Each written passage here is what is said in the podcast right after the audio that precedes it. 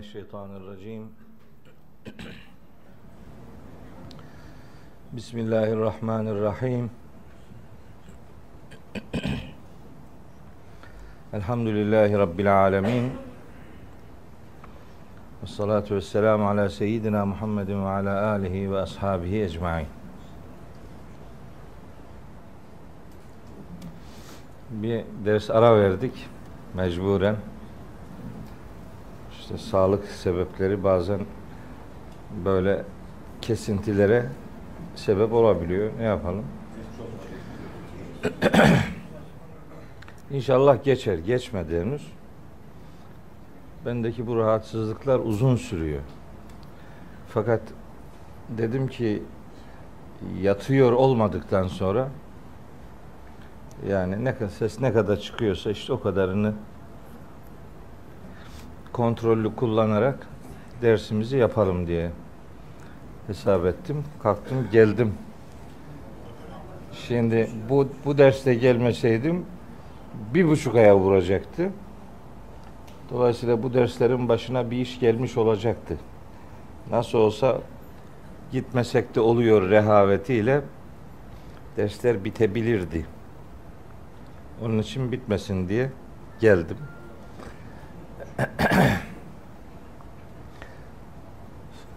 Sağlık bir nimet, hastalık başka bir nimet. Sağlığın kıymetini anlıyorsunuz filan. Sıkıntılar oluyor. Allahü Teala daha büyük dertler vermesin. Dermanı olmayan dert vermesin inşallah. Gerisi çok mühim değil. Biz Buruç suresinde kaldık. Şimdi Buruç suresinde neler olduğunu bir okuyalım. Bak ki böyle gribal enfeksiyon iş mi yani? Bunun kelimesini yapmak bile ayıp. Twitter'dan öyle bir ilan yaptık. Adam diyor ki o ne büyük derdin varmış. Millet ölüyor be. Doğru dedi yani. Biz de yani aman hasta olduk ölüyoruz demedik. Ders yapamayacağımızı söylemek istedik. Adam da oradan başka sonuçlar çıkardılar filan bilmem ne.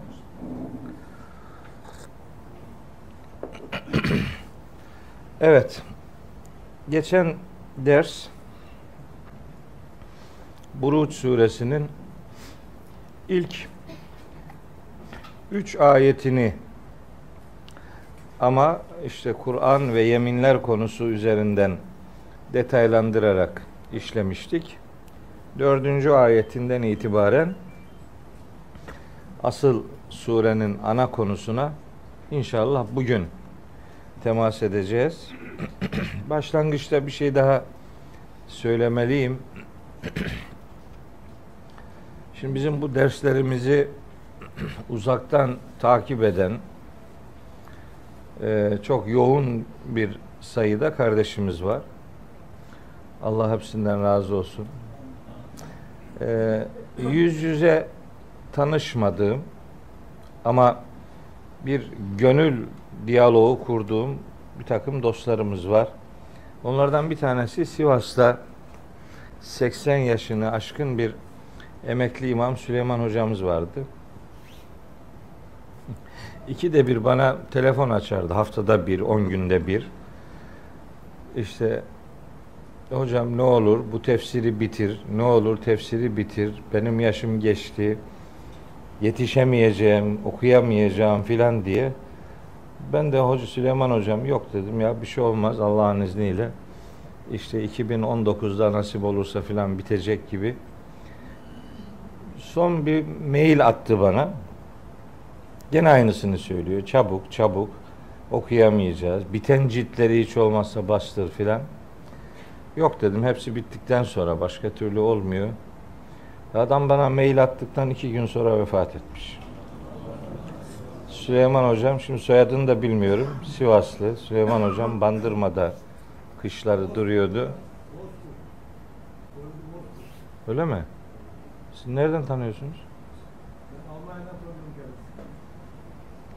İşte soyadını bilmediğim Süleyman Hocama Rabbimden rahmet niyaz ediyorum. Allahu Teala makamını mekanını cennet etsin inşallah. Biliyorsunuz, yok bilmiyorsunuz. Yani nereden bileceksiniz? Benim ömrümün önemli bir bölümü Trabzon'un Hayrat ilçesinde geçti. Ee, babam orada din hizmeti görüyordu. Biz de orada kaldık uzun yıllar. Bugün aldığım bir haber bir baba dostu orada Mehmet Kasap diye. O da bugün vefat etmiş. Çok sevdiğim bir abimizdi. Allah ona da rahmetiyle muamele buyursun inşallah. Bu ara geçen hafta bizim Ayhan kardeşimizin oğlu elim bir kaza sonucu hayatını kaybetti. Ee, yani hele ki Ayhan'ın oğlunun e, yaşadığı yani Allah kimsenin başına vermesin.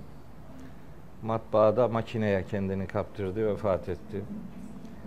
Dün akşam onun evine gittim. Allah acılarını hafifletme nimetini lütfeylesin inşallah. Yani 20 yaşında delikanlı maalesef vefat etti. Ona da cennet nimetiyle muamele buyursun inşallah Cenab-ı Hak. İşte böyle cenazeler oluyor. Hayat geri kalan kısmı ile devam ediyor. Allahu Teala bize bu hayatı doğru yaşayabilmeyi lütfeylesin. Öbür aleme göçen kardeşlerimize de rahmetini esirgemesin inşallah. evet.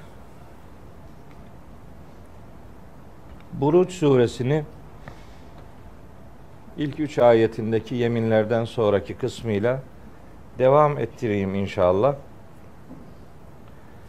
Burçlara yemin olsun.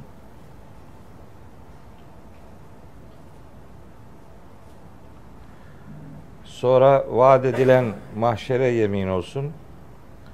Sonra şahit olan her şeye ve hakkında şahitlik yapılacak olanlara da yemin olsun beyanıyla ilk üç ayet şekillendi. Dördüncü ayet 4, 5, 6, 7. ayetler benzer bir e, hakikati paragraf halinde içeriyor.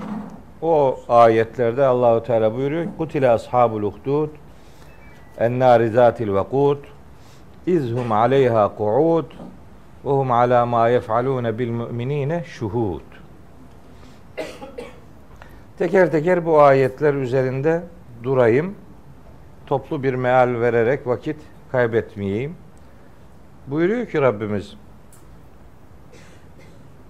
Kutile ashabul uhdud ennâri zâtil vekud.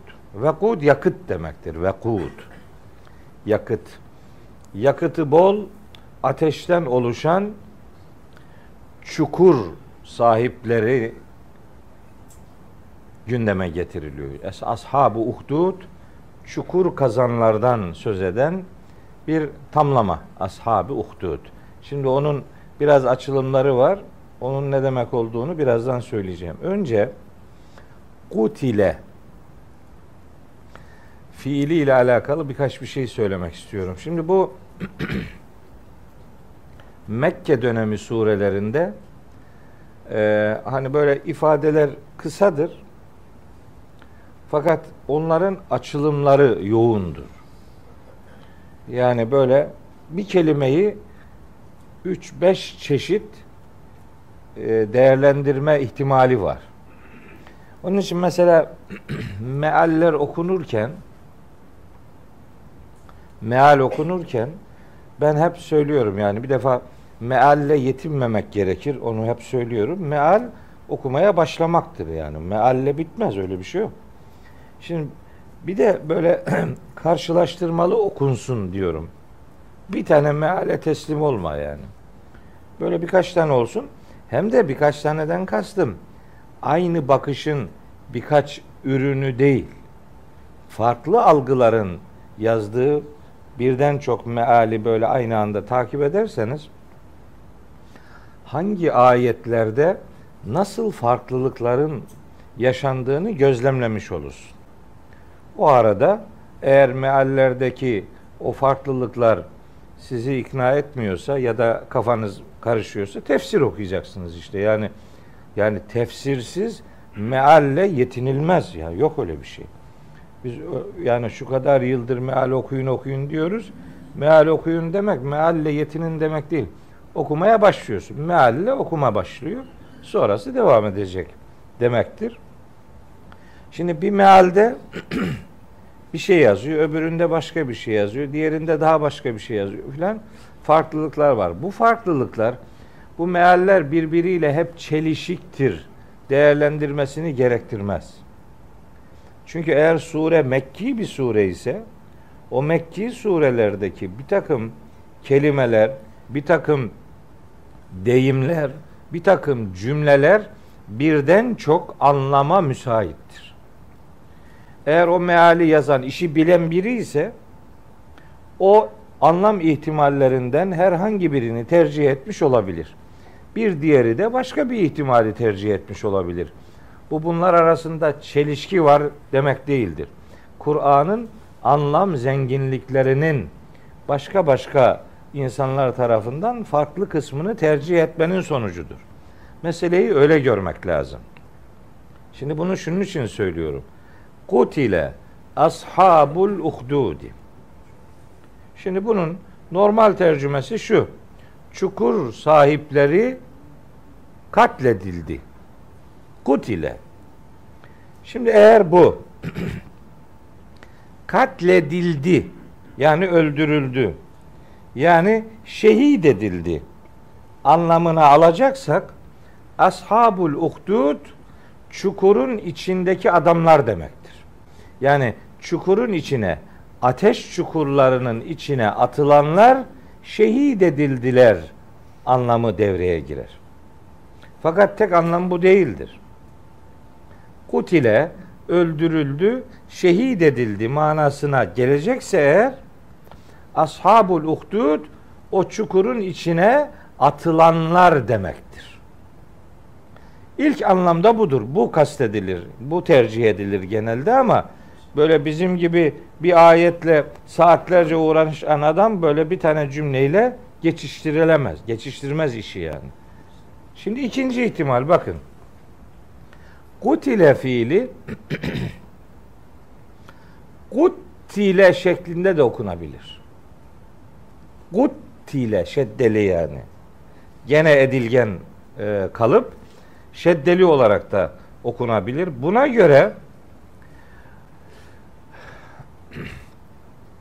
Ashab-ı Uhdud yani ateşin içine atılanlar dönemin yöneticileri tarafından öldürtüldüler anlamına gelir. Yani öldürüldüler değil, öldürtüldüler. Başka yöneticiler. Bu yöneticilerin kim olduğunu da birazdan söyleyeceğim. Yani ihtimaller var. O ihtimallerden tercih ettiğimiz hangisi onu söyleyeceğim. Bunu birileri birilerine yaptırdı anlamı da devreye girebilir. Bir meal böyle bir ifadeyi tercih edebilir. Bu da ihtimallerden biridir. İkinci ihtimal budur. Üçüncü ihtimal ister kutile diye okunsun, ister kuttile diye okunsun. Yani ister öldürüldü diye, ister öldürtüldü diye okunsun. Bu defa ashab-ı uhdud çukur kazan adamlar manasına da alınabilir. Çukurda olanlar manasına gelebileceği gibi çukur kazdıranlar manasına da gelebilir. Böyle olunca o çukuru kazdıranlar da öldürüldüler sonradan. Onlar da öldürtüldüler. Yani dünyada mazlumlara yaptıkları o korkunç fiilin cezası burada onlara ödettirildi anlamı da devreye girebilir. Ashab-ı uhdud çukuru kazanlar manasına da gelebilir. Aslında birazdan söyleyecektim ama sırası geldi şimdi söyleyeyim. Mesela bakın böyle şey olmaz gibi bir şey demeyin. Olur. Niye? Mesela Kur'an-ı Kerim'de ashabun nar tamlaması vardır.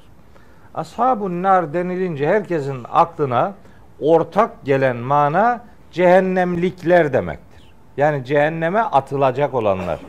Cehennemde yanacak olanlar. Ashabun nar bu demektir. Fakat onun bir tane istisnası var. Orada cehenneme atılacaklar değil, cehennemi işleten görevliler, melekler anlamına gelir. Müddessir suresi 31. ayet. Ve ma cealna ashaben nari bak ashabun nar.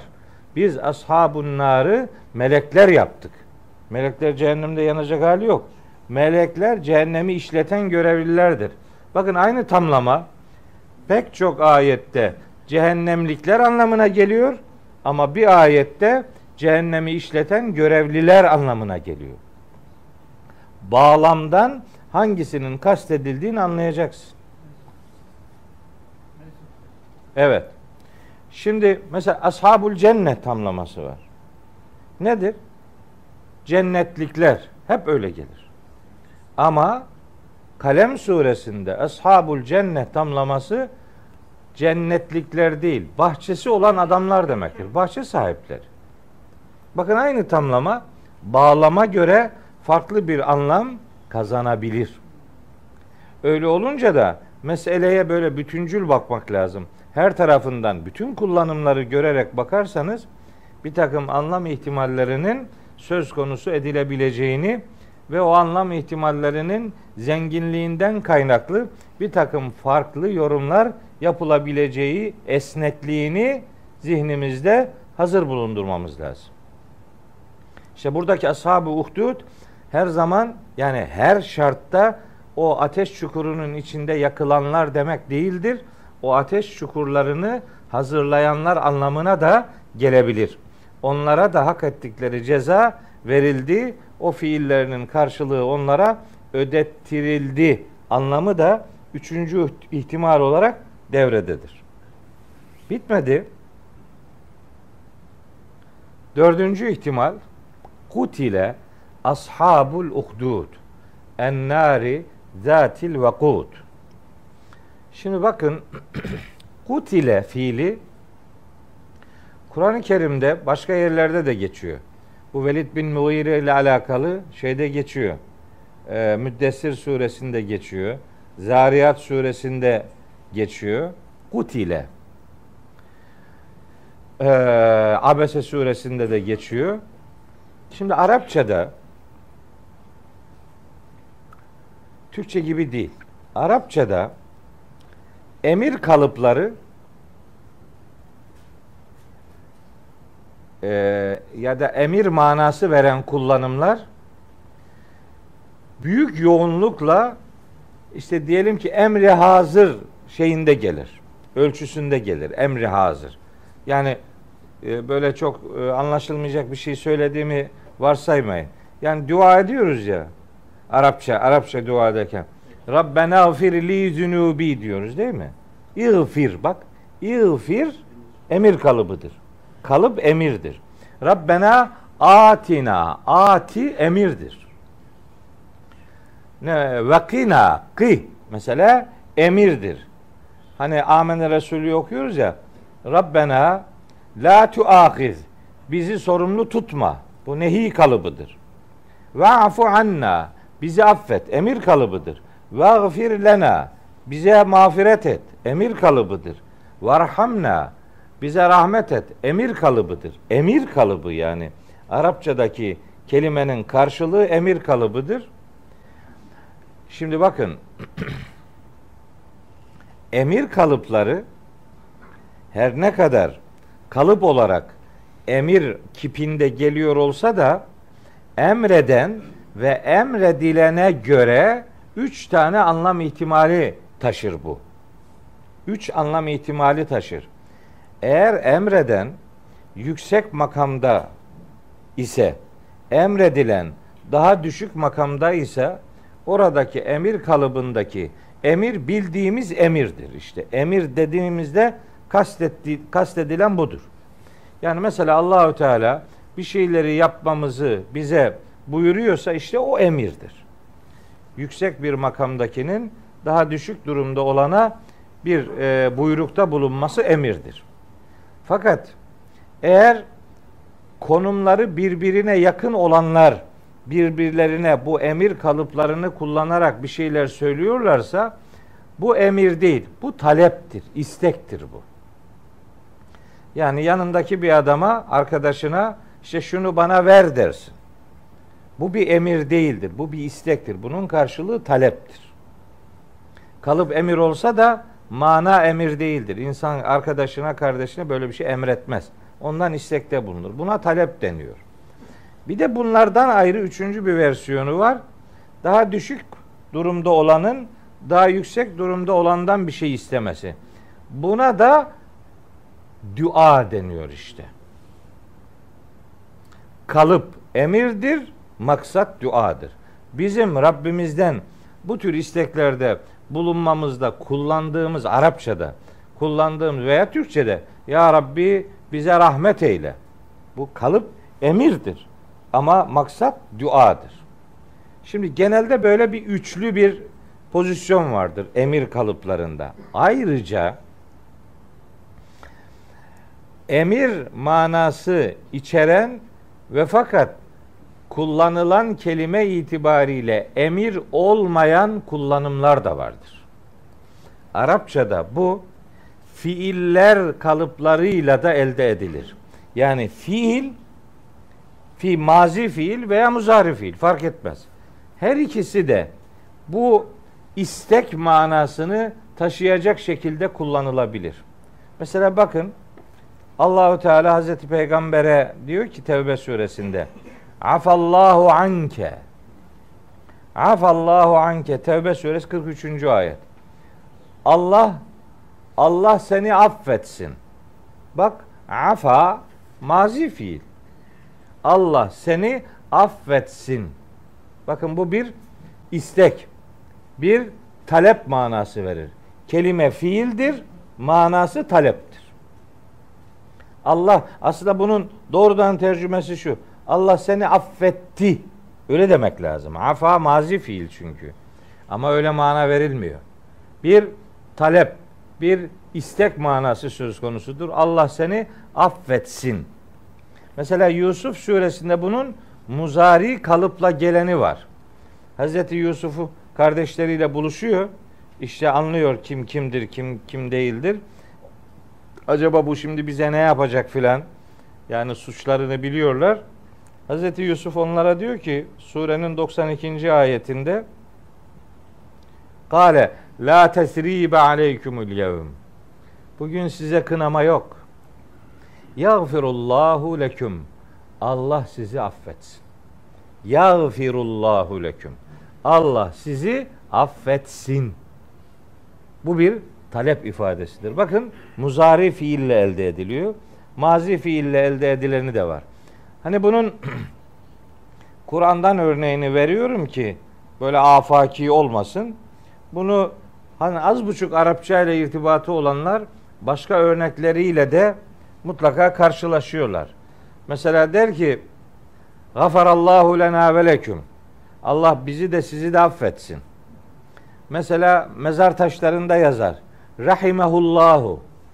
Yerhamuhullahu mesela. Rahimehullahu demek Allah ona rahmet etsin demektir. Dua manası verir o işte. Yerhamukumullah. Hapşırıyoruz ya. Hapşırınca hapşıran ne der? Elhamdülillah der. Bu karşıdaki neden ona? Yerhamukallah veya yerhamukillah eğer hanımsa yerhamu yerhamukallahu Allah sana rahmet etsin manası verir işte. Kelime fiildir, manası taleptir. Böyle bir Arapçada böyle kullanımlar vardır. Niye söylüyorum bunu? Şimdi buradaki kutile fiili var ya o da bu manadadır çünkü. Kutile kahrolsun, yazıklar olsun manası verir. Kahrolsun şu ashabı uhdud. Yani bu çukuru kazan adamlar kahrolsun. Lanet olsun bu adamlara. Abdullah İbni Abbas diyor ki Kur'an'daki bütün kutile fiilleri, kutile edilgen fiilleri hepsi kahır manası verir. Başka kullanım örnekleri de var. Hoş hepsini söyleme imkanım yok yani. Ama bilinsin ki ne kadar kutile varsa İbn Abbas diyor. Bunların hepsi kahır manası içerir. Kahrolasıca şu adam nasıl da şöyle yaptı diye böyle bir anlam ihtimali var. İşte tebbette de var. Tebbet yeda ebiyle. O da aynı. Fiil, fiil ama manası taleptir yani. Bunu böyle bir vesile size ifade etmiş olayım. Bu son iki ihtimalde son iki ihtimalde ashabul uhdud çukuru kazanlar manası verir. İlk iki ihtimalde ashab-ı uhdud çukurun içerisinde işte yakılanlar manası verir. Ne oldu şimdi? Kutile ashabul uhdud şu üç kelimelik ayeti kerimenin birbiriyle eşit derecede doğrulanabilir dört tane anlam ihtimali varmış. Bu anlam ihtimallerini görmezlikten gelmemek ve bu ihtimaller doğrultusunda ayetlere birden çok mana verileceğini unutmamak gerekiyor. Eğer o çe- çeşitliliği çelişki gibi görme durumunda kalmayalım derseniz mesele böyledir. Bu metin bu tür yorumlanmalara müsaittir. Onu bir vesile söyleyelim. Yerhamukillah diyelim. Sen herhalde onun için zorluyorsun. Üçe kadar ha. Üçten sonrası yok. Üçten sonrası griptir demektir. Doktora git. Üçe kadar yerhamukillah diyorsun filan. Üçten sonra devam. Bazıları var böyle şey alerjik Allahu Ekber ya daha adam ma- makinalı gibi sayıyor yani. Ona yerhamukallah demeyle de baş edilmez. Baştan bir tane de gitsin yani. Evet. Şimdi bu uhdud kelimesinin anlamı ne? uhdud işte çukur demek. Yarık, çatlak, çukur. Hat kelimesinden türetilmiş uhdud kelimesi. İşte bir çukur kazmış biri. Kim yapmış bunu? Şimdi bunu tefsirlere baktım tabi. Oo bir sürü rivayet var. İşte Yemen Yemen'dir, Irak'ta oldu, Necran'da oldu, Suriye'de, Sümer'de, Babil'de, Filistin'de, Habeşistan'da, işte Anadolu'da oldu. Mesela Hazreti İbrahim dönemiyledir. Yok Nebukadnezar ile alakalıdır veya Zerdüş kralıyla alakalıdır filan bir sürü görüşler var. Bak biliyor musunuz? Bu görüşlerin farklılığı da bu görüş sahiplerinin birbiriyle çeliştikleri manasını vermez. Niye vermez? Bu olay bir defa oldu diye kestirip atmak durumunda değiliz. Belki defalarca oldu. Bu bir Kur'an üslubudur. Bakın Kur'an'ın ifade üsluplarından bir tanesi özellikle mesela peygamberler e, ölçeğinde çok görürüz bunu. Peygamberlerin hepsi aynı prensipleri tebliğ etmişlerdir ümmetlerine ve çok büyük oranda aynı tepkilerle karşılaşmışlardır.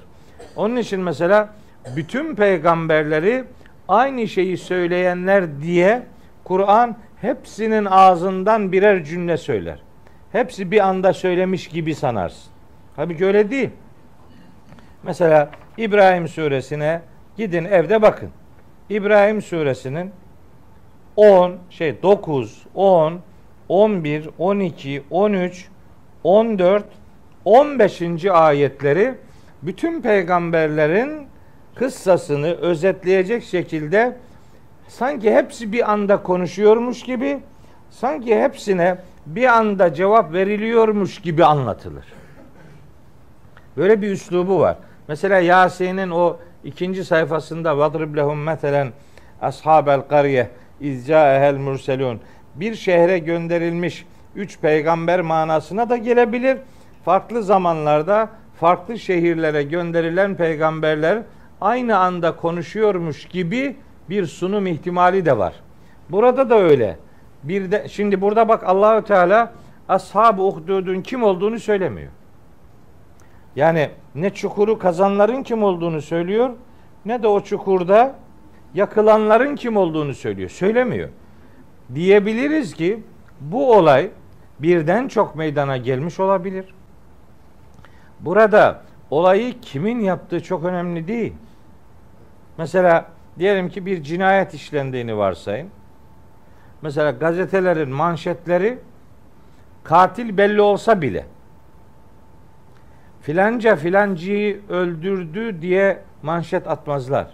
Niye? Orada kimin öldürdüğü birinci derecede önemli değildir. Önemli olan öldürülenin işte öldürüldüğünü ifade etmektir. Filanca öldürüldü. Manşet öyle atılır. Niye? Çünkü o o orada öne çıkması gereken odur. Fail bilinse de onun üzerinden çok bir beyanlar kullanılmaz. Burada da çukuru kimin kazdığını söylemiyor Allahu Teala. Çukurda yakılanların kimler olduğunu da söylemiyor. Fiil, eylem o kadar önemli ki failleri zikretmek çok da büyük bir önem arz etmiyor yani. Bu olayın önemini öne çıkartmak için beyan edilmiş olabilir. Yahut da olay defalarca yaşanmış olabilir. Allahu Teala onu bir defa yaşanmış gibi de sunuyor olabilir. İsim zikredilmemesinin sebebi onu biz biliyoruz. Kur'an'da bu tür anlatımlarda neden isimler zikredilmez? İsimler zikredilmez, nitelikler üzerinde durulur. Nitelikler üzerinde durulmasının sebebi mesajın evrensele taşınmasıdır. Mesajı tarihsel değil, evrensel yapmak için Allahu Teala isimleri zikretmez. Sadece peygamberlerin isimleri vardır. Başka başka isimler peygamber hariç yok vermiyorum. Şimdi ne yapacağımı hiç sormayın. Dizlerim üşüyor. Üşüyor. Kimsenin üşümediği yerde ben üşürüm. Millet umreye hacca gider. Öğle, ta, öğle saatlerinde otele çekilirler. Ben tam öğle saatinde giderim tavaf. Anca ısınıyorum. Yani ben felaket üşürüm. Rahmetlik babam bana bir şey derdi. Neyse burada söylemeyeyim onu. Yani ben üşürüm arkadaş. Dizlerim üşüyor. Ne diyeyim? Mesajlarda isimler üzerinde durulmaz. Niçin?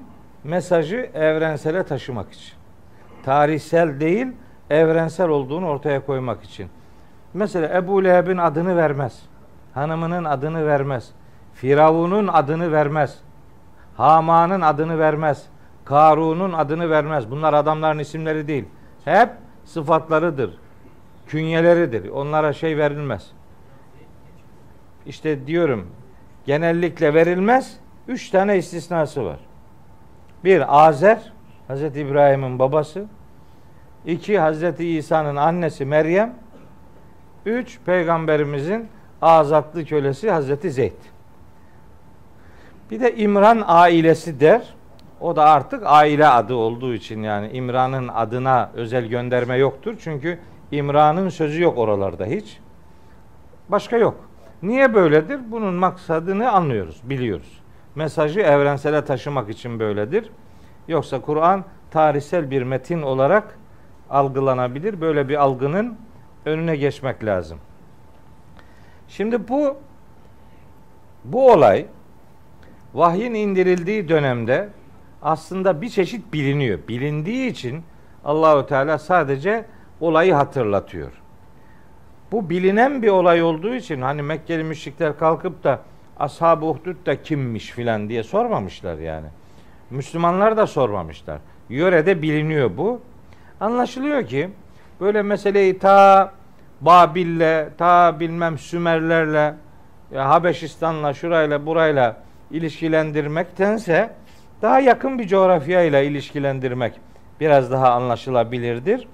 Hz. İsa'dan sonra Hz. Peygamber'den önce o arada yaşanmış olma ihtimali var.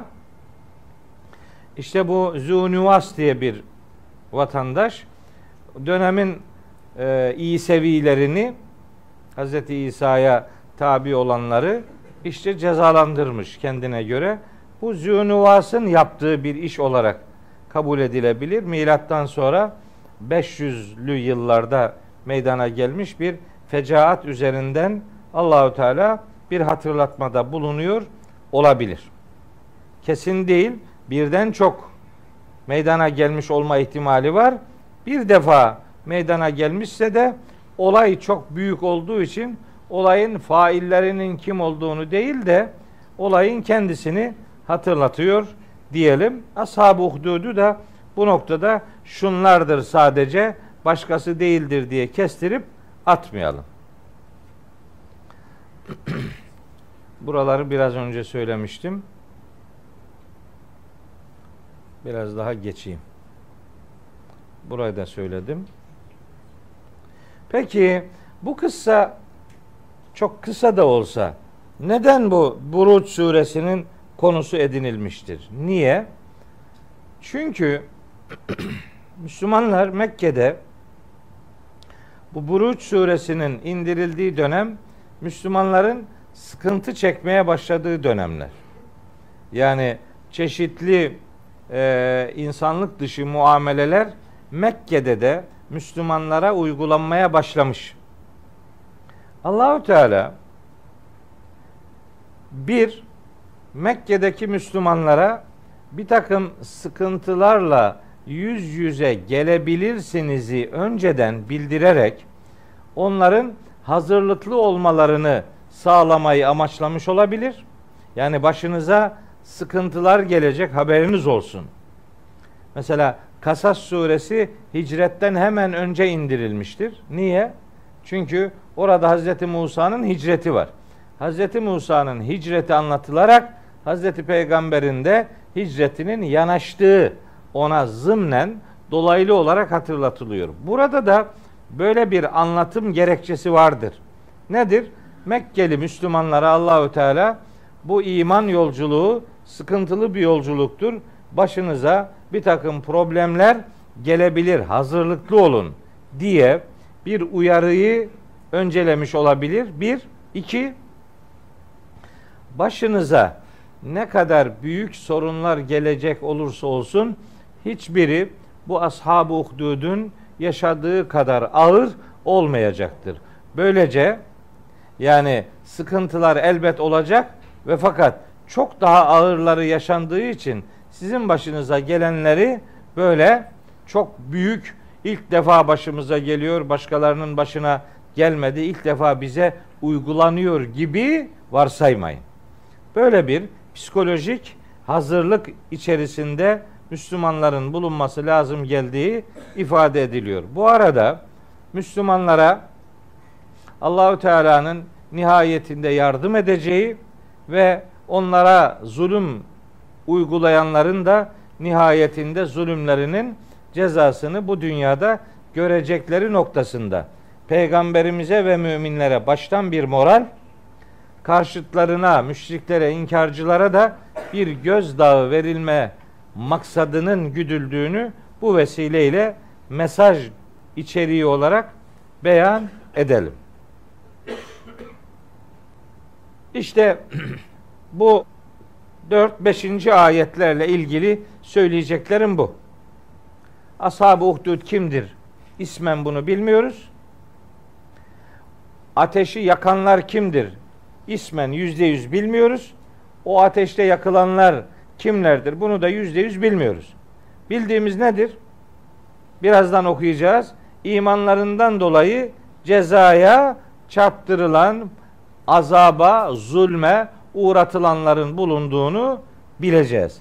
Bu arada kutile ashabul uhdud ifadesinden dört tane mana ihtimali var dedim. O dört mana ihtimalinin iki tanesi çukurda yakılanlarla ilişkili, öbür iki tanesi çukuru kazanlarla ilişkili olarak bu dünyada yaptıkları bu zulmün karşılıksız kalmadığını Mekkeli müşriklere kavratmak için onların da Müslümanlara uyguladıkları zalimane tavırların dünyada karşılığının onlara verileceği önceden bildirilmiş olarak kendilerine gözdağı verilmesi amaçlanıyor. Ne oldu? Mekkeli müşrikler bunun karşılığını gördüler mi? Gördüler. Bedir'de gördüler. Sonrasında gördüler.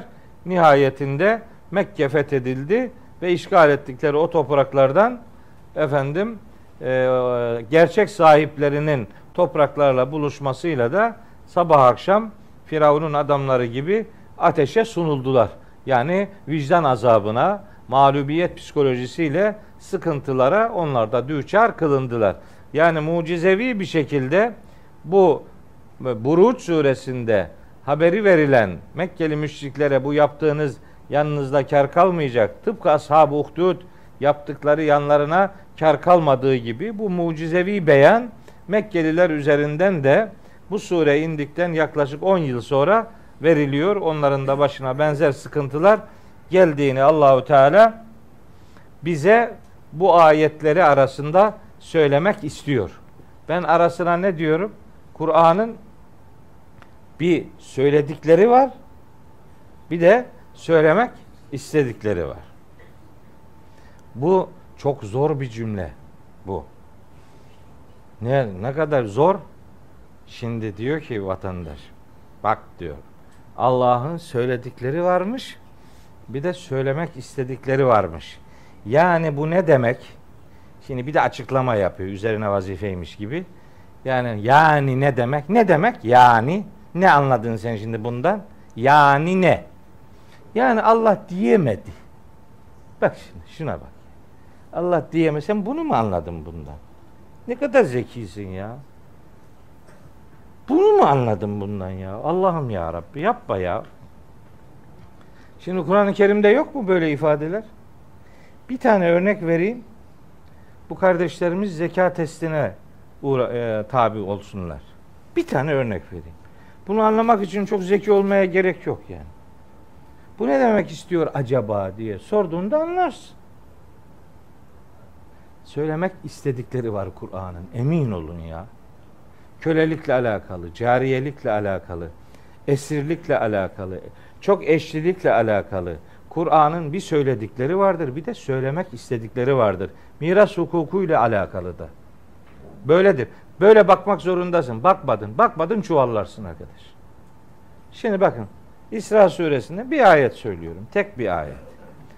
Buyuruyor ki Rabbimiz 23. ayet olması lazım.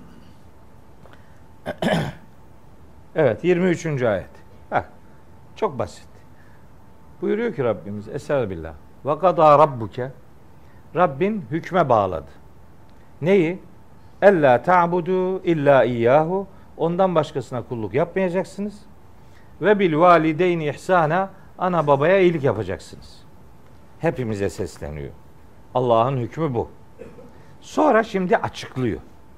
Sonra açıklıyor. Buyuruyor ki İmma yebluğenne İmma yebluğenne Eğer ulaşırsa indeke senin yanında el kibere yaşlılığa senin yanında ana baban ihda kilahuma ya ister ikisi olsun ister bir tanesi olsun.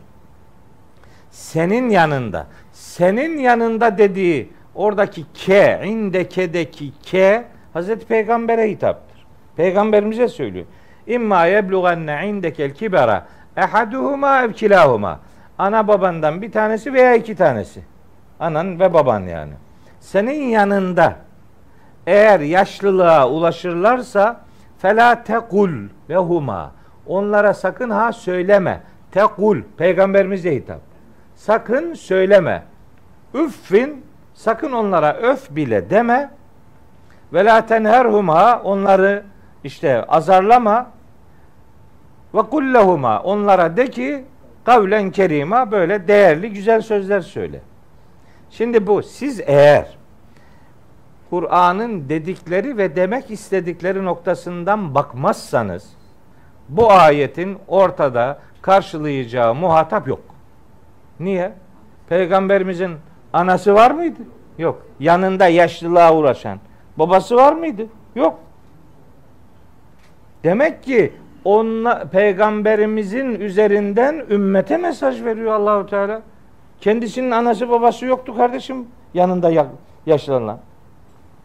Veya fela tekul lehuma üffin. Onlara öf deme. Bunun demek istediği ne? Onlara öf deme. Onlara öf deme ama ağzını burnunu kırabilirsin. O demek mi bu? Ya ne demek istediğini anlayacaksın arkadaş. O dediği üzerinden demek istediğine ulaşacaksın. Bundan daha doğal ne olabilir? Bu nasıl başka ne yani? Bu başka nasıl anlayacaksın ki bunu yani? Allahu Teala demek istemiş de diyememiş de bak bak sonuçlara bak yani. Orada dinleyenler de diyor ki ya ne ya. O da anlamadı sen de anlamadın işte. Anlamayanların korusu devam et işte. Anlamadım. Demek istedikleri var bu mesajların. Demek istedikleri Ashab-ı Uhdud o çukuru kazan zalimler üzerinden Mekkelilere mazlumlar üzerinden de müminlere Allahü Teala mesaj veriyor. Kur'an'ın demek istedikleri bu.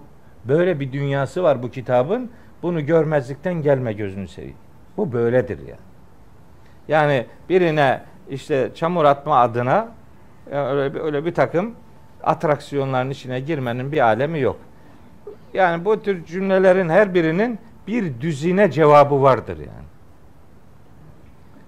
Bir kısmını ciddiye alıp da cevap vermiyorum.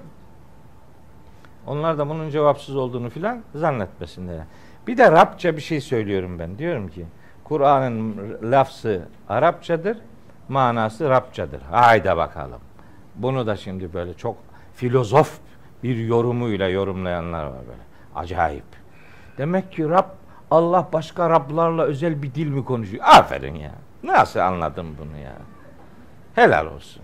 Vallahi heykeli dikilecek adamlar var ya.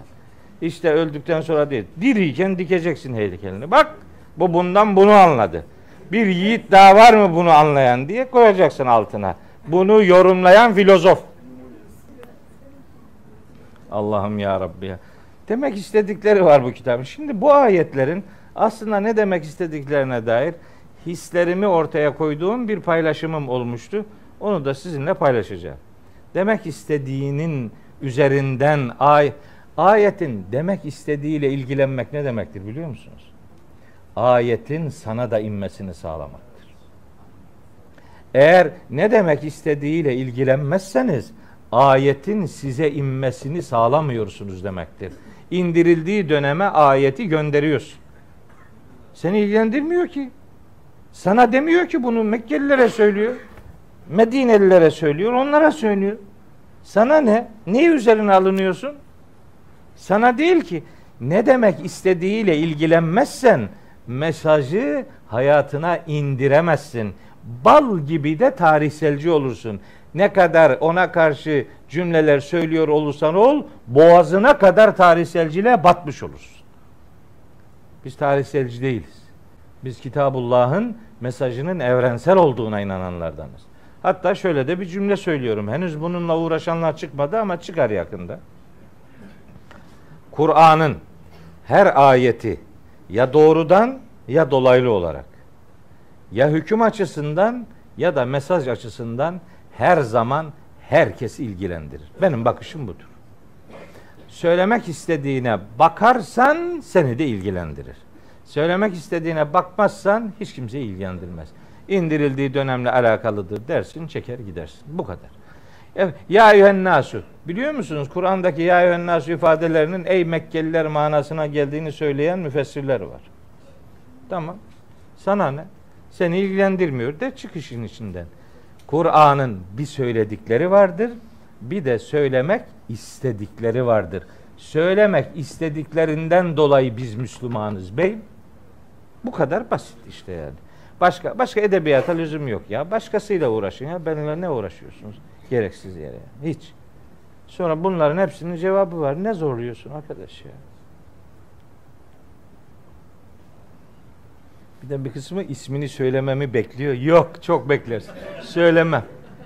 Hiç bekleme. Buradan sana ekmek çıkmaz. Muhatap alınacağını bekliyor. Yok almam. Almam. Ben bu sözlerimi bu derslerde beş yıldır söylüyorum. Belki biraz tekrar gibi oluyor ama hayır.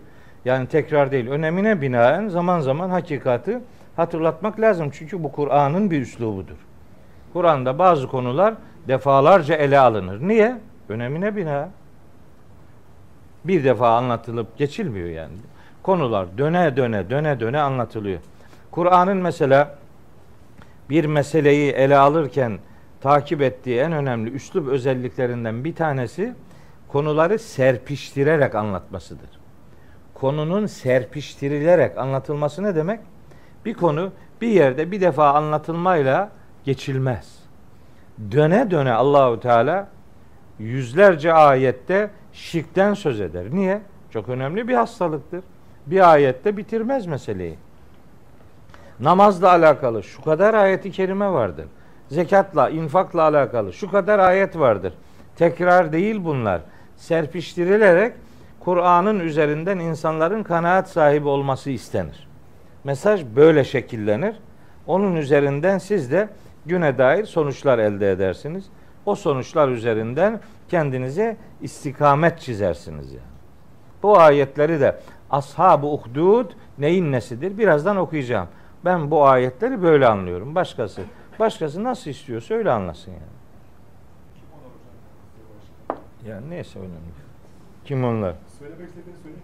Yok canım neymiş niye diyeyim ki ben burada ad söylemem diyorum sen de ne istiyorsun benden yani? Yok boş ver. Ne diyor Allahu Teala bakın.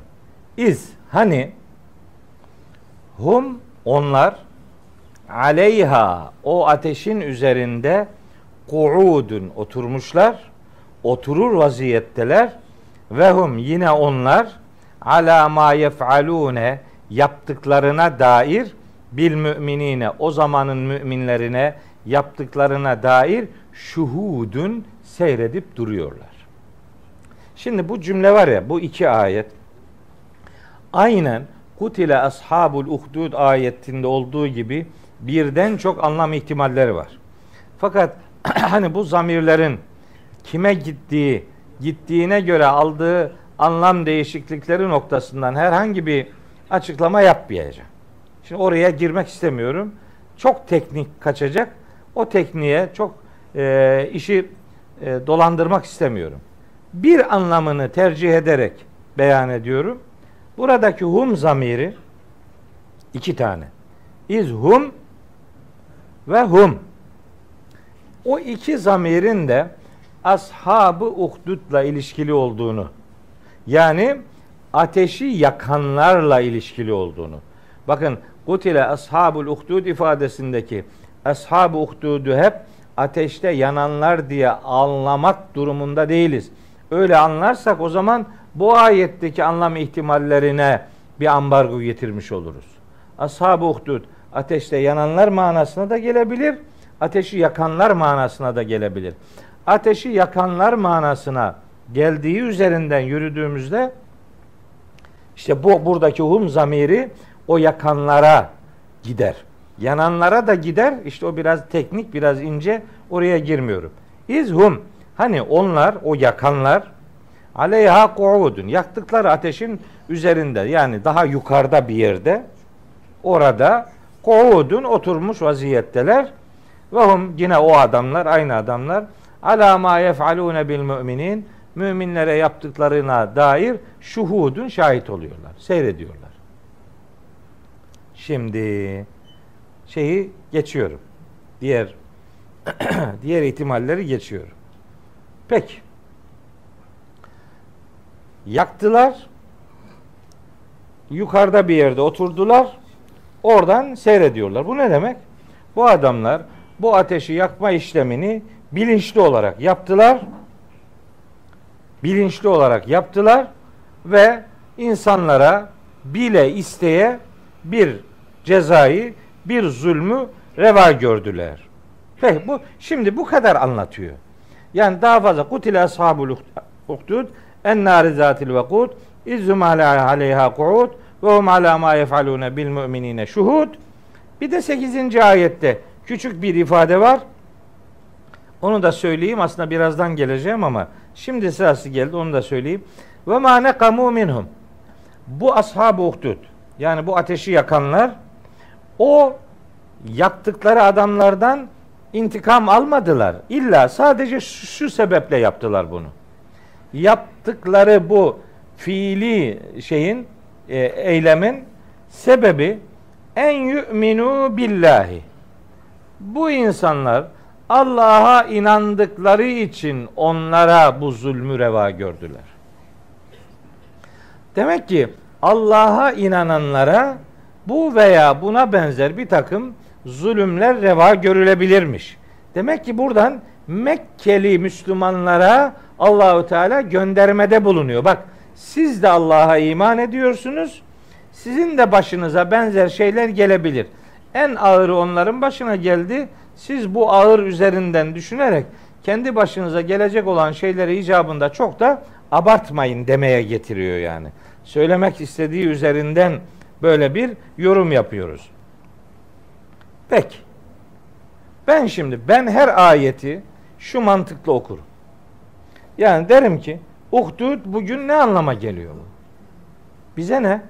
Bundan bize ne? Bugün eğer bugün bu olay neyi karşılıyor sorusunu sormayacaksan ben bu olaydan nasıl bir ders çıkarmalıyım mantığını eğer kafana yazmayacaksan bu tarihin herhangi bir kesitinde meydana gelmiş bir olayı 3 4 küçük ayette efendim hatırlatmanın ne anlamı olabilir ki yani? Ne ne olacak yani bu?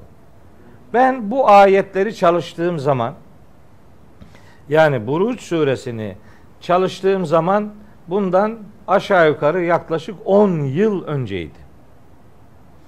Bu ben bu kısa sureleri 10 yıl önce yazmıştım. Daha sonra işte bütün Kur'an tefsiriyle uğraşıyorum. Bir bu arada beyan edeyim 21. cildi bitirdim. 22. cilde başladım. Bu hastalık döneminde acayip çalıştım. Yani öyle evde oturdum da ben yatmadım. Ne yatması ya? Gece 24 saatin abartmıyorum. Minimum 18 saatini çalıştım her gün. Yani her gün çalıştım. Aylardır Bakara suresiyle uğraşıyordum. Bakara'yı bitirdim. Peşinden bonus olarak Enfal'i de bitirdim. Şimdi dün akşam itibariyle Hadid'e başladım. Duanızı eksik etmeyin. İşte 22. ciltteyim. İnşallah 27 cilt olacak bakalım. Kim okuyacak bunu? 27 cilt kitap okunur mu ya? Tabi onun özetini de çıkartacağız. Yani tefsiri kebir, tefsiri vasit, tefsiri sagir böyle artık böyle yapıp bolca değil mi? Bolca satıp para kazanacağız. Ya kitap yaz para kazan. Nasıl da bu adama uyar bu sıfat? Tam nasıl da değil mi böyle tam kendimi tarif ediyorum. Ben bu hizmetten para almadım, almayacağım. Kuruş benim boğazımdan geçmeyecek, çocuklarımın boğazından da geçmeyecek. Ümmete anasının ak sütü gibi helal olsun. Ben meselenin salih amel kısmı ile ilgiliyim. Salih amelim olsun. Rabbim ruzi mahşerde yazdıklarımı şahidim kılsın. Mesele odur. Nun vel kalemi ve ma yesturun. Nuna yemin olsun, hokkaya. Kaleme yemin olsun ve satır satır yazdıklarına yemin olsun. Kur'an'da yeminler, yemin edilen şeyler sahiplerinin şahidi olacaktır o mesaj verilir. Geçen de söylemiştim. Ben yazdıklarım şahidim olsun diye yazıyorum. Başka başka bir amacım yok.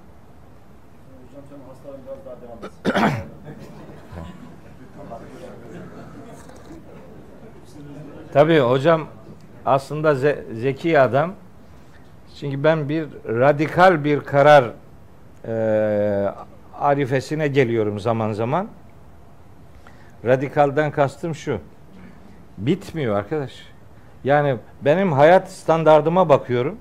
Hayat şeyime. Bu bitmez. Ben lisans, yüksek lisans ve doktora dersleri veriyorum okulda. Samsun İlahiyat'ta. Yaklaşık haftada 30 saate yakın dersim var. Bu dersleri fiilen veriyorum. İki haftada bir buraya geliyorum. Burada sabit üç tane dersim var. İki haftada bir Samsun'da hafta sonu Doster'de derslerim var. İlaveten ayda bir Ankara'da ders tefsir işte dersleri yapıyorum. İlaveten ayrı başka yerlere konferanslara gidiyorum. Tefsiri kim yazacak ya? Ne zaman yazılacak yani? Vakit yok. Yani acaba bütün bu derslere, bütün bu konferanslara şöyle bir yıl veya iki yıl ara verip bu işi bitireyim istiyorum. Sonra Allah ömür verirse sonra devam ederim diye öyle bir karar arifesine geliyorum zaman zaman. Çünkü çok moralim bozuluyor. Aylardır Bakara suresiyle uğraşıyorum. Aylardır ya.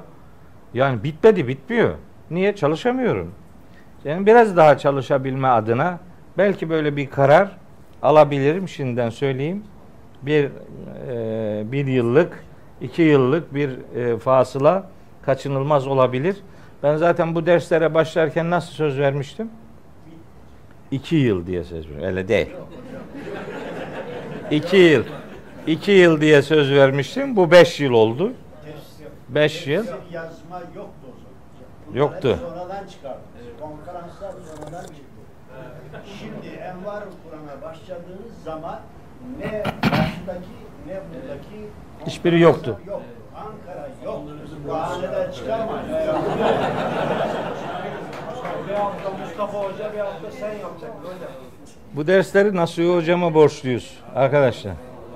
Nasuhi hocam bunu dedi ki Ben buraya niye geliyorum? Tabii yoksa ne işin var değil mi burada? Evet, ne bakalım inşallah Allahu Teala yani inşallah ya bu tefsirle uğraşmak çok büyük bir haysiyet. Bundan aldığım zevki hayatta hiçbir şeyden almadım. Bir ayet daha hayatıma inince yaşadığım hazzı asla anlatamam. Cenab-ı Hak ille de her zorluğun yanında nice kolaylıklar vardır der. İşte e, İnşirah suresinde der, e, Talak suresinde der. Ben onlardan da e, beslenerek bu işi 5 yıldır sürdürüyorum. Allah ömür versin. Biz gene hem tefsirimize hem derslerimize devam edelim inşallah. E, çabam bu. Şimdi ben bu şeyleri yazarken bu sureyi okuduğum, çalıştığım dönem 2008 yılları. 2008-2009 o, o, o zamanlardı. 10 sene önce aşağı yukarı. Ben o zaman şimdi burada da ifade ettiğim gibi 2, 27 Aralık 2008 ile 28 Ocak 2009 yılları o arada insanlık tarihi maalesef kara bir leke olarak bu tarihi kaydetmiş. Ne oldu? Tarihte gerçekleşen ve belki de pek çok kez yaşanan bu yürek acıtıcı olay günümüzde de en acı şekillerde yeniden sahnelenmektedir. İsrail'in Filistin'e uyguladığı insanlık dışı vahşetin tarihte yaşanan bu tür olaylardan ne farkı var? Ashab-ı Uhdud'un yaptığıyla İsrail'in Filistin'e yaptığı arasında nasıl bir fark var ki? Daha ileri ve daha gaddarca davranıp bu zulümleri yapanlar bir taraftan eylemlerine devam ederlerken diğer taraftan da yaptıklarını seyretmektedirler. Aynen böyle. Aynen bu ayette anlatıldığı gibi. Sadece Filistin'de değil, dünyanın başka yerlerinde de. Ben değil mi? Yani Myanmar'da olan bundan farklı mı? Bosna'da yaşananlar bundan farklı mıydı? Ben o Srebrenica'ya gittim. O akü fabrikasında milletin Birleşmiş Milletler'e sözüm ona Birleşmiş Milletler'e sığındığı ve silahlarını Hollanda askerlerine teslim ettikleri o akü fabrikasında bir görüşe göre 5 bin, bir görüşe göre 7 bin Bosnalıyı orada katlettiler ve orada onların katledilmesine dünyada televizyonlardan şahit oldu, seyretti. Canlı yayınlarda. Ne farkı var? Aynısı işte. Ashab-ı Uhdud niye hatırlatılıyor? Böyle canavarlıklar yaşanmasın diye işte. Aynısı yap aynısı yapıyorlar yani. Veya Doğu Guta'da da aynı. Aynı yani. Fark etmiyor. Her tarafta aynı. Dahası vahşetlerini dünyanın diğer ülkelerine de canlı yayınlarla verip adeta yaptıkları bu iğrençliklerle övünüyorlardı. Kullandıkları silahların nelerden yapıldığını ve hangi kimyasal maddeleri içerdiğini kendilerinden başka bilen olmadığı gibi yazık ki bunu merak eden de yok. İnsan hayatını nasıl sonlandırdığını ve yaralı olanları nasıl sakat bıraktığını bir süre sonra ne tür kimyasal sonuçlar doğuracağını hesap eden de yok.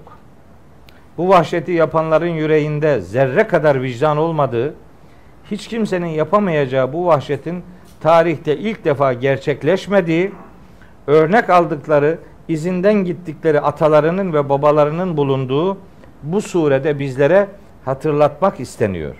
Hatırlatılmak isteniyor. Zunuvas denen o Yahudinin o günkü İsevilere yaptığını hatırlatan bu sure günümüze de ışık tutmaktadır. Zunuvasların firavunların ve benzerlerinin bitmediği, sadece isim değiştirdikleri ve bunlara karşı dikkatli olunması gerektiği bütün insanlara haber verilmektedir.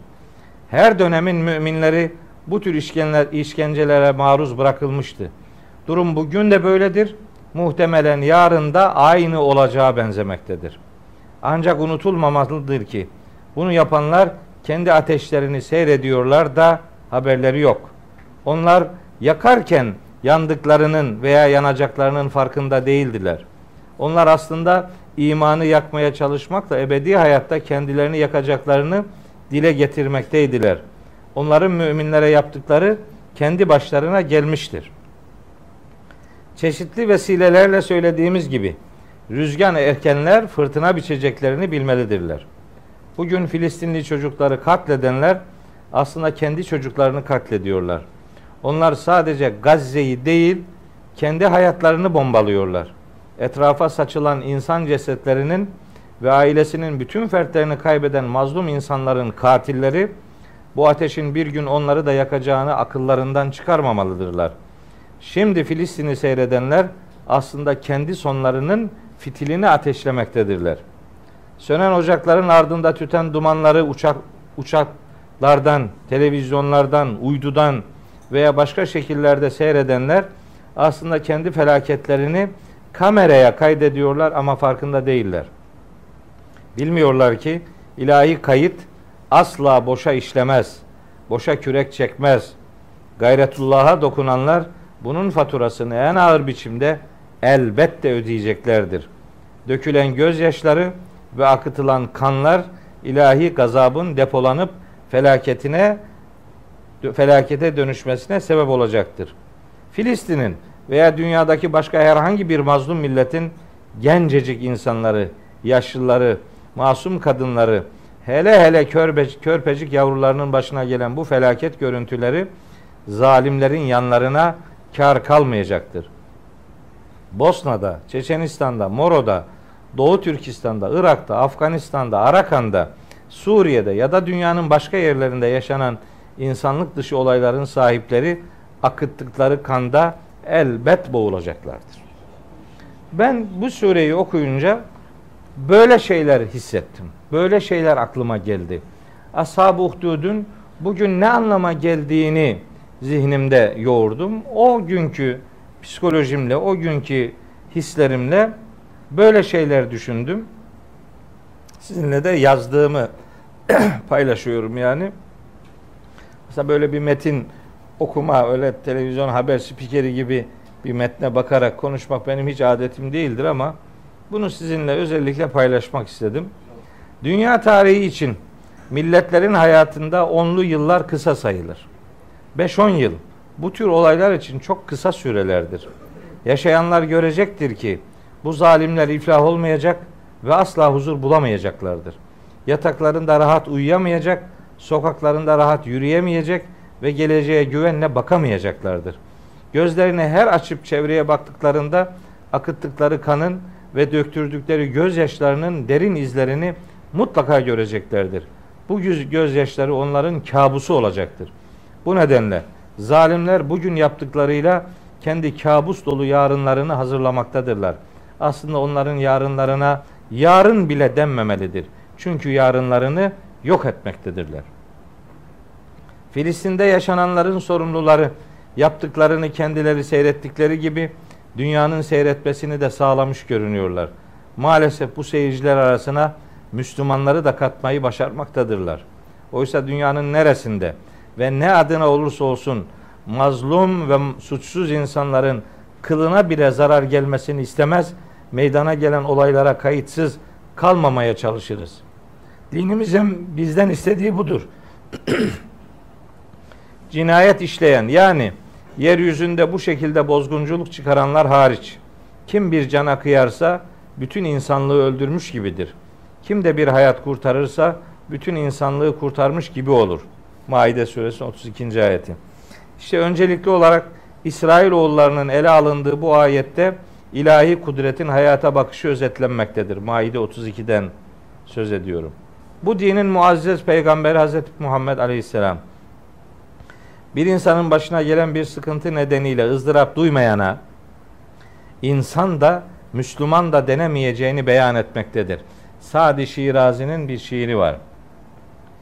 Beni Adem azai yeşfi geren ki aferineş ziyek guheren der uzvi bedert averez ruzigar diger uzuhara nemanet karar der mihneti digeran bi gami neşayet ki nement nehent ademi diye böyle Farsça bir beyt dizisi var. O aslında bir hadisin tercümesidir Farsçaya.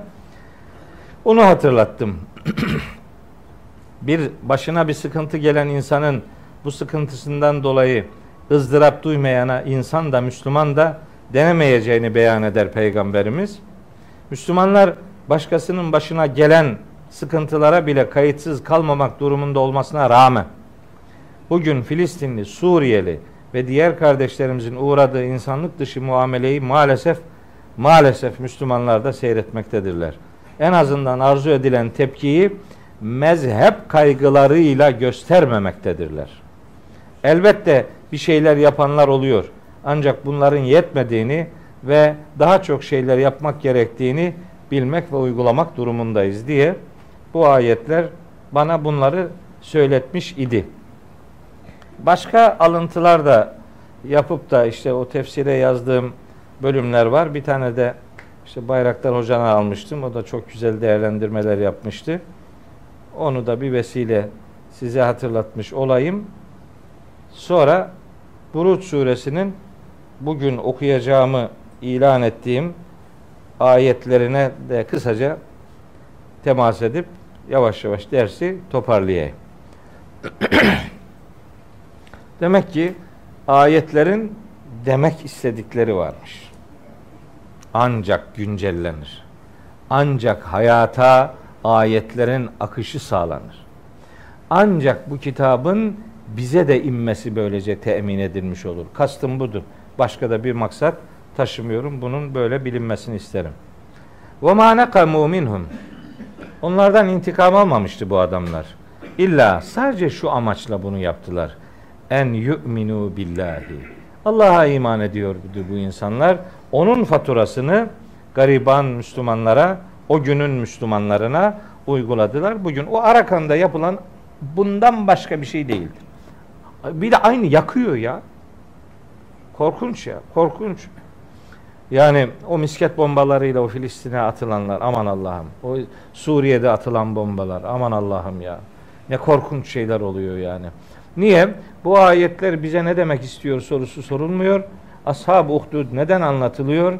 Bunun benim hayatımda bugün dünyada karşılığı nedir sorusu bir bir bir önemsenmeden tarihsel bir metin eskiye dair bir şey anlattı, geçti gitti. Bu mantık bizi bu çürüme noktasına getirdi kardeşler. Mesele budur yani. Evet. Gene bir teknik bilgi vermiştim. Onu geçiyorum. Geçiyorum. Burayı da geçiyorum. Bu adamların yakılmasının tek sebebi vardı. Allah'a imanlar. Müslümanca yaşama arzuları. Bu arzularını onlara çok gördüler ve onlara hayatı zindan ettiler. Evet. Bir Müslüman bana dokunmayan yılan bin yaşasın diyemez. Dememesi lazım. Felaket, yanda bir felaket varsa, yangın varsa o yangına müdahale etmezsen senin evinde yanar beyim. Sana da aynı felaket gelir. Enfal suresinde öyle buyuruyor. Ve tegû fitneten la tusibennellezîne zalemû minkum hâsse. Öyle bir azaptan, öyle bir sıkıntıdan e, çekinin, öyle bir sıkıntıya karşı duyarlı davranın ki içinizden sadece zalimlere isabet etmekle kalmaz. Herkesi içine alır. Ben şöyle diyorum bakın. Zalim olmamak yetmez. Zalimlerden olmamak yetmez. Zalimlere yardım etmemek yetmez. Zalimleri sevmemek bu da yetmez. Zalimlere zerre kadar meyletmemek gerekir. Duruyorsan kenarda kenarda durduğun yerde duruyorsan ve yanda bir ateş var da ona müdahale etmiyorsan zalimleri seyrediyorsun demektir. Başka hangi sloganı atarsan at. O beni ilgilendirmiyor. Oradaki yangına müdahale etmiyorsan zalimlerin zulmüne mani olmuyorsun demektir. Orayı kaplayacak olan bir felaket seni de içine alacaktır. Buna behemehal bir dur demek her Müslümanın görevidir. Beni ilgilendirmiyor kısmı bizi ilgilendirmez. Öyle diyemeyiz biz. Hazreti Peygamber'in hadisi var biliyorsunuz. Buyuruyor ki Peygamberimiz Aleyhisselam Men ra'a minkum münkeran fel yugayyirhu biyedihi fe in lem yestati fe bi fe in lem yestati fe bi kalbihi ve zalike ad'aful imani. Yani içinizden kim bir kötülük görürse onu eliyle değiştirsin. Buna gücü yetmiyorsa diliyle değiştirsin. Buna da gücü yetmiyorsa hiç olmazsa kalbiyle öfke duysun. Bu imanın en zayıf noktasıdır e, beyanı var. Aslında kalbiyle zulme, kötülüğe öf- öfke duymak yani çok önemli bir noktadır. Eğer kalbiniz kötülüğe karşı öfke duymuyorsa sizin ne eliniz harekete geçer ne de diliniz. Asıl belirleyici olan önce kalbin rahatsız olmasıdır. Yapılanlardan insanın yüreğinin önce burkulması lazım. Yani zihnen yürek seferberliği başlatması lazım ki eli ve dili harekete geçsin. Bu hareketi kalp e, kontrol eder. Kalpten çıkar. Kalp insanlara bu anlamda e, yön verir, istikamet verir. Bizden istenen de aşağı yukarı böyle bir duyarlılığı ortaya koymaktır. Şimdi 8. ayette Allahu Teala'nın iki sıfatı 9. ayette ayrıca iki sıfatı zikrediliyor. Sonra e, meselenin başka bir boyutuna da e, sıra getiriliyor. Şimdi benim sesim zorlandı. Yani o kadar gitmiyor. Ben burada bırakayım. Ee, biraz daha zorlarsam akşamki dersi yapamayacağım öyle anlaşılıyor. Ee, biraz daha zorlamayayım. Allahü Teala'nın dört sıfatını ve devam eden ayetleri kalan e, kısmı hepsini birlikte inşallah bir dahaki ders bitiririm Buruç suresini. Ee, inşallah diyelim. Elimden geleni yaparım. Bugün sözü nerede uzattım bilmiyorum ama işte buraya geldi. Bir sonraki ders Buruç suresinin kalan ayetleriyle sizlere hitap etmeye gayret edeceğim. 15 gün sonra inşallah Allah ömür verir, sağlık verirse yeniden burada buluşmak üzere. Hepinizi Allah'a emanet ediyorum.